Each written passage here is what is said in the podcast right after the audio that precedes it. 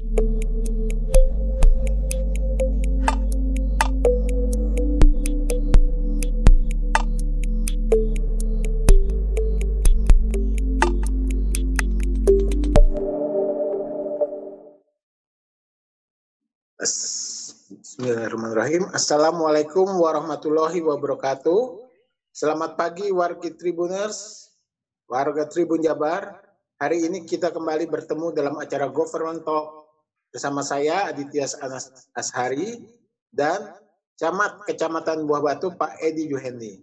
Nah, kita akan berbincang-bincang mengenai uh, pelaksanaan apa uh, pemberantasan atau pencegahan atau atau apa menghindari daripada COVID-19 di Kecamatan Buah Batu dan juga kita akan uh, bertanya nih kepada Pak Camat bagaimana Kecamatan Buah Batu ini uh, dalam upaya menghadapi atau berusaha uh, memberantas pandemi COVID-19 ini. Nah, uh, selamat pagi Pak Camat. Selamat Assalamualaikum. Pagi. Waalaikumsalam warahmatullahi wabarakatuh. Uh, Pak, ini bagaimana nih saya ber, tentang COVID-19 yang kita ketahui saat ini kita masih PSBB ya Pak ya. ya. Nah, nah kalau untuk Kecamatan Buas Batu sendiri uh, statusnya apa Pak? Masih masuk zona apa Pak saat ini? Ya, hatur nuhun. Punten dari Kang Adit. Mohon mohon saya Pak. Kang Adit. Assalamualaikum warahmatullahi wabarakatuh. Harga Tribun Jabar, mudah-mudahan hari ini semuanya diberikan kesehatan, keselamatan, dan dijauhkan dari COVID-19. Di Kecamatan Buah Batu sendiri, Kang Adit masih dalam zona merah gitu ya. Memang eh, sejak bulan Maret kemarin peningkatan hmm. terus eh, turun naik fluktuasi Kang Adit eh, sama dengan Kota Bandung sebetulnya. Malah di pertengahan sekitar bulan November kita pernah di 10 besar Kang Adit gitu ya karena memang ada klaster dari rapid test secara masif di Gedung Sate. Kebetulan di Kecamatan Buah Batu ini masuk ke dalam e, beberapa perumahan yang penduduknya banyak keluar masuk termasuk juga kemarin dari pegawai-pegawai yang ada di perumahan Margahayu Raya. E, banyak yang positif Kang Adit sehingga peningkatannya cukup lumayan tinggi gitu ya di dan alhamdulillah eh, bisa dikatakan ya fluktuatif lah naik turun. Dan saat ini kalau boleh saya share eh,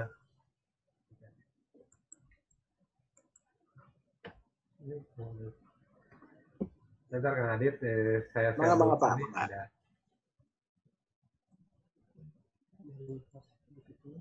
dan buah batu itu. Minta izin Kang, Kang Adit dibuka itunya ya. buat sharing hostnya. Ya.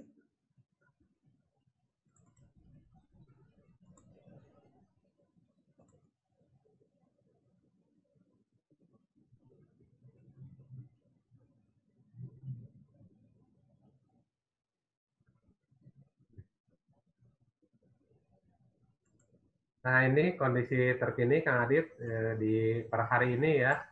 Di kita itu ada kontak erat sekitar 467, suspeknya 479, dan konfirmasi positif ini total dari bulan Maret sampai dengan Januari, pertengahan Januari sekarang ada 268. Dan yang meninggal 8 orang, Kang Adit, eh, dan cukup memprihatinkan ini di Kecamatan Babatu.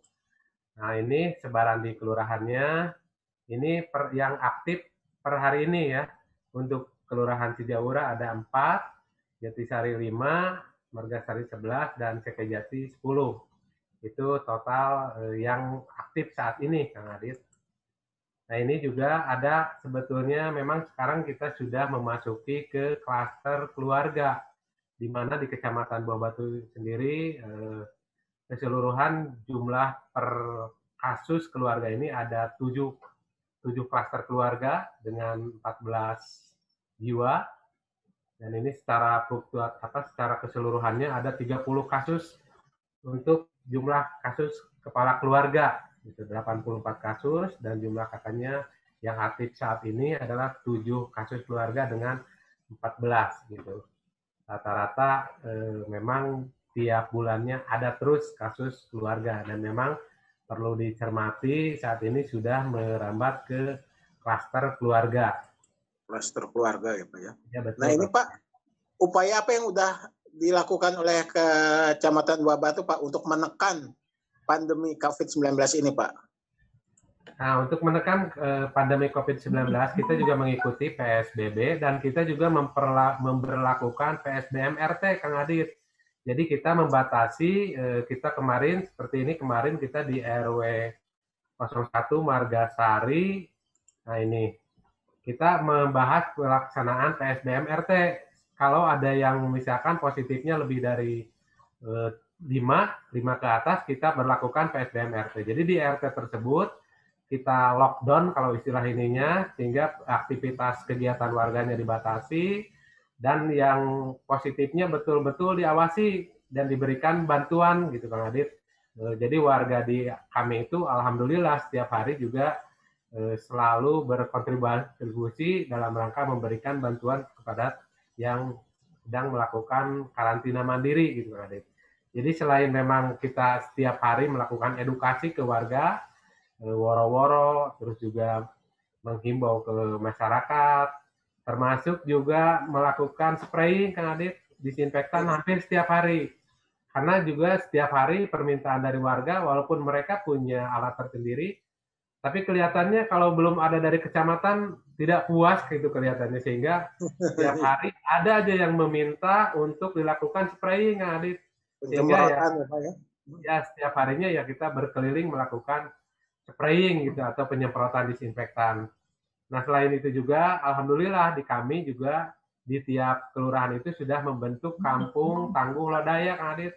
Insya oh, Allah di kampung tangguh lodaya ini e, bisa juga dilakukan karantina mandiri, ya khusus untuk yang e, positif. Tapi sampai saat ini belum ada yang daftar, Kang Adit.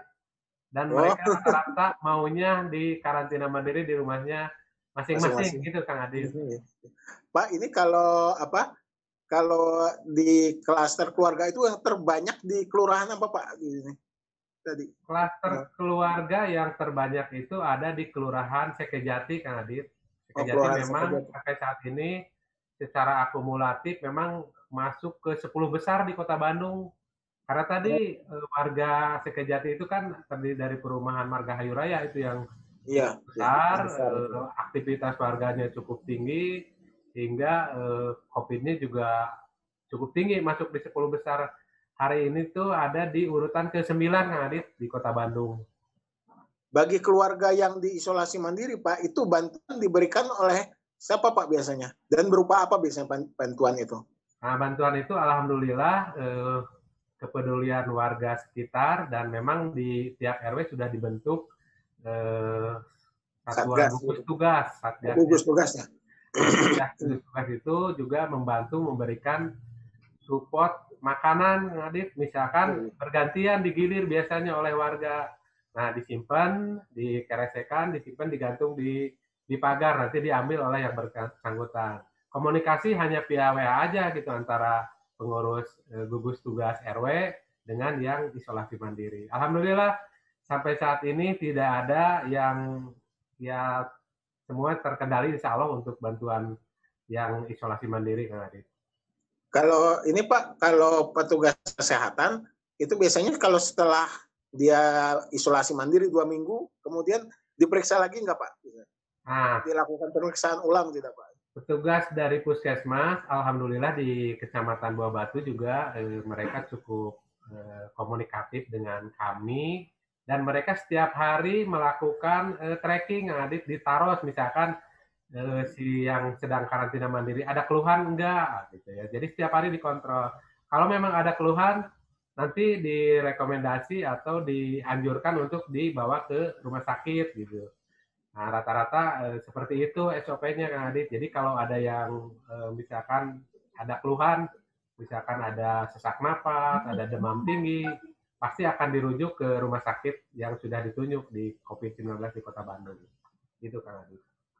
Kalau uh, operasi justisi razia masker atau itu apakah rutin dilakukan Pak dari kelurahan eh dari Kecamatan Buah Batu? Nah, Alhamdulillah nih kebetulan hadir juga Pak Kasih Terantip saya yang setiap hari. Nah ini Pak Kasih Terantip, Pak Agus. Alhamdulillah. Alhamdulillah sangat siang Pak Eh, Alhamdulillah sejak awal pertengahan Maret ya sampai sekarang kita tidak pernah berhenti melakukan operasi justisi Kang Adit. Bahkan di masa PSBB ini eh, ditingkatkan kalau biasanya sekali dalam sehari sekarang menjadi tiga kali.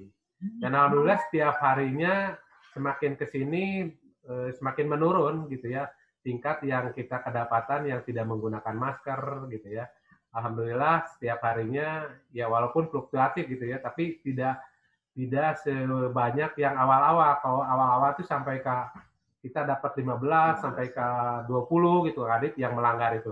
Nah, sekarang paling hariannya itu sampai tiga, paling banyak di lima gitu. Lima itu juga yang eh, kalau kita tanya ya katanya hmm. lupa gitu. Jadi padahal sebetulnya mereka sudah paham kelihatannya Kang Adit.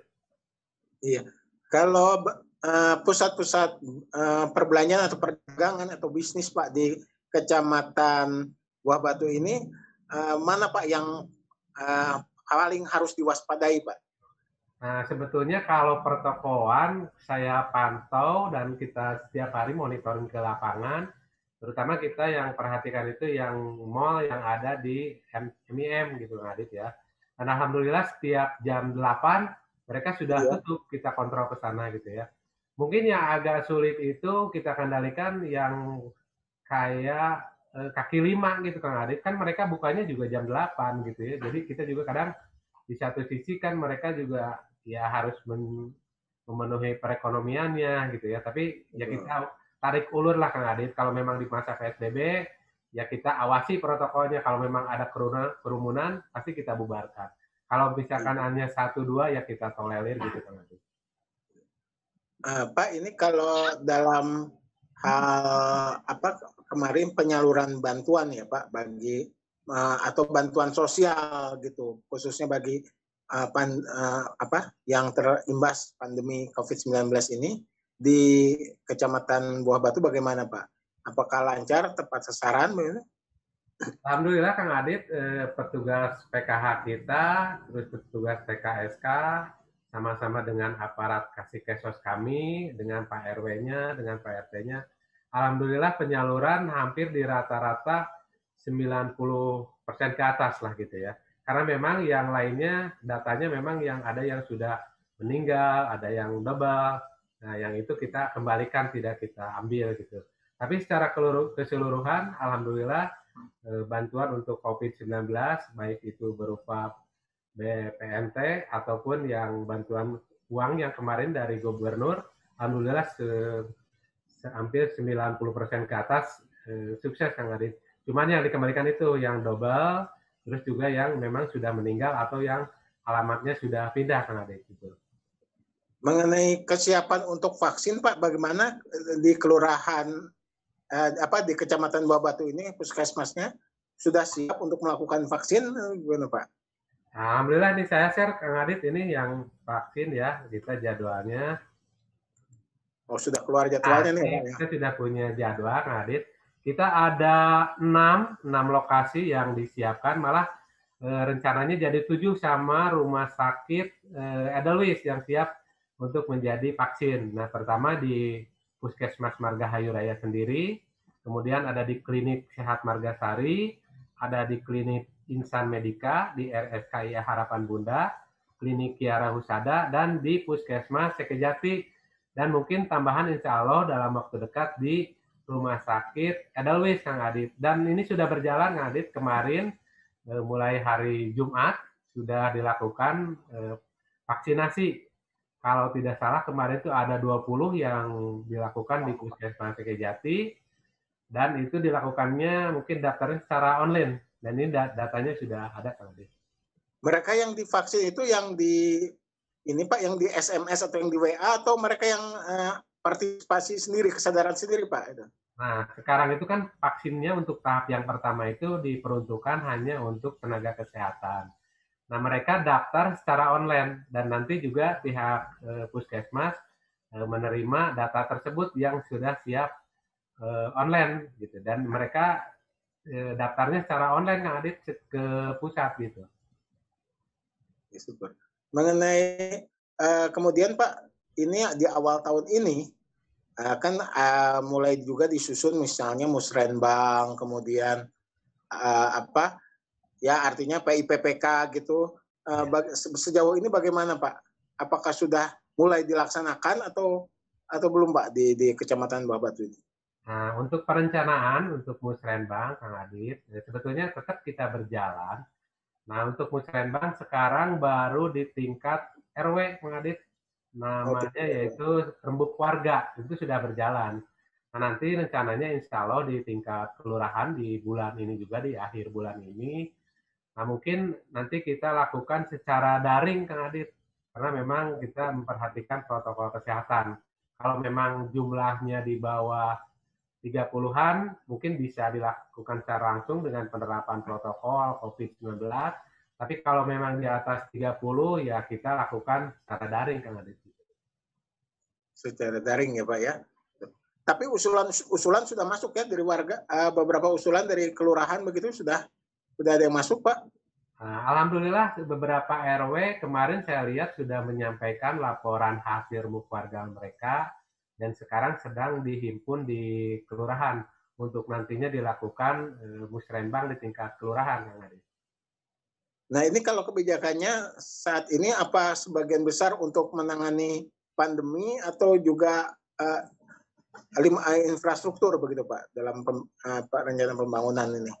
Nah di musrenbang itu memang uh, ada juga sebagian yang mengalokasikan ke pandemi karena memang diperkirakan kan sampai akhir tahun ini kita masih tetap uh, masuk dalam pandemi COVID-19. Dan sebagian lagi sesuai dengan uh, eh, RPJMD, sesuai dengan perintah Pak Wali Kota Bandung bahwa memang kita lebih memfokuskan kepada tiga hal hadir. Yang pertama masalah ODF. Kita ingin di tahun 2021 ini bebas ODF. Dan kebetulan di Kecamatan Batu kan masyarakat marginalnya juga cukup banyak yang hadir yang ada di pinggiran, terutama yang di bantaran sungai yang insya Allah supaya mereka tidak buang air besar sembarangan, ya, nanti dialokasikan dari PIPK ke ODF. Yang kedua masalah stunting, dan di Kecamatan Buah Batu juga walaupun tidak masuk 10 besar, stuntingnya masih ada. Dan yang terakhir tetap ke masalah Kang Pisman. Jadi tiga hal itu yang menjadi perhatian utama selain memang ada juga COVID-19 yang ada.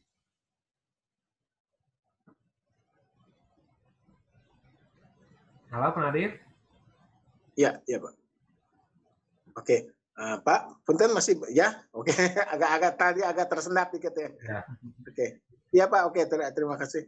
Uh, sebelum kita mengakhiri perbincangan government talk ini, Pak, mungkin Bapak ada pesan atau ada apa ya amanat atau pernyataan khususnya kepada warga Kecamatan Buah Batu, umumnya kepada warga Kota Bandung ini, Pak. Mangga silakan, Pak. Ya, hatur nuhun Kang Adit. Eh, mungkin saya selaku Camat Buah Batu menghimbau khususnya kepada seluruh warga Kecamatan Buah Batu tetap kita ikuti aturan protokol 19. Jangan lupa 3M sama 1T-nya.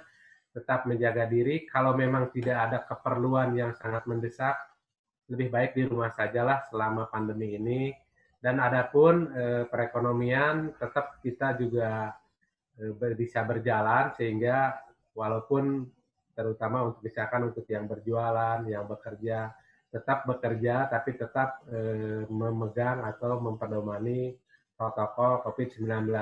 Saya berharap mudah-mudahan eh, COVID-19 ini cepat berlalu dari kita, Kang, Kang iya. Adit ya, karena sudah kelihatannya sudah capek, sudah jenuh, warga iya, juga kita juga sama kita berdoa sama-sama mudah-mudahan COVID-19 ini cepat berlalu lah gitu dan mudah-mudahan eh, pelaksanaan vaksin juga insya Allah sukses dan bisa menjadi salah satu pencegahan penyebaran COVID-19. Itu saja Kang Adi, Tatur Nuhun. Mangga Pak Tatur Nuhun. Jadi para warga Tribun Jabar, para Tribuners, sekali lagi sebelum kami mengakhiri acara Government Talk ini, kami ingatkan 3M, menjaga jarak, mencuci tangan, dan uh, jangan lupa memakai masker agar kita terhindar dari pandemi COVID-19 ini. Agar supaya kota Bandung khususnya dan Indonesia pada umumnya segera bebas dari COVID-19 dan kita segera beraktivitas secara normal dengan tetap menjunjung tinggi protokol kesehatan. Terima kasih Pak Camat, hatur nuhun pisan, Pak. Itu juga kepada warga Tribun Jabar dan para Tribuners, terima kasih. Kami akhiri acara ini. Wabillahi Hidayah. Assalamualaikum warahmatullahi wabarakatuh.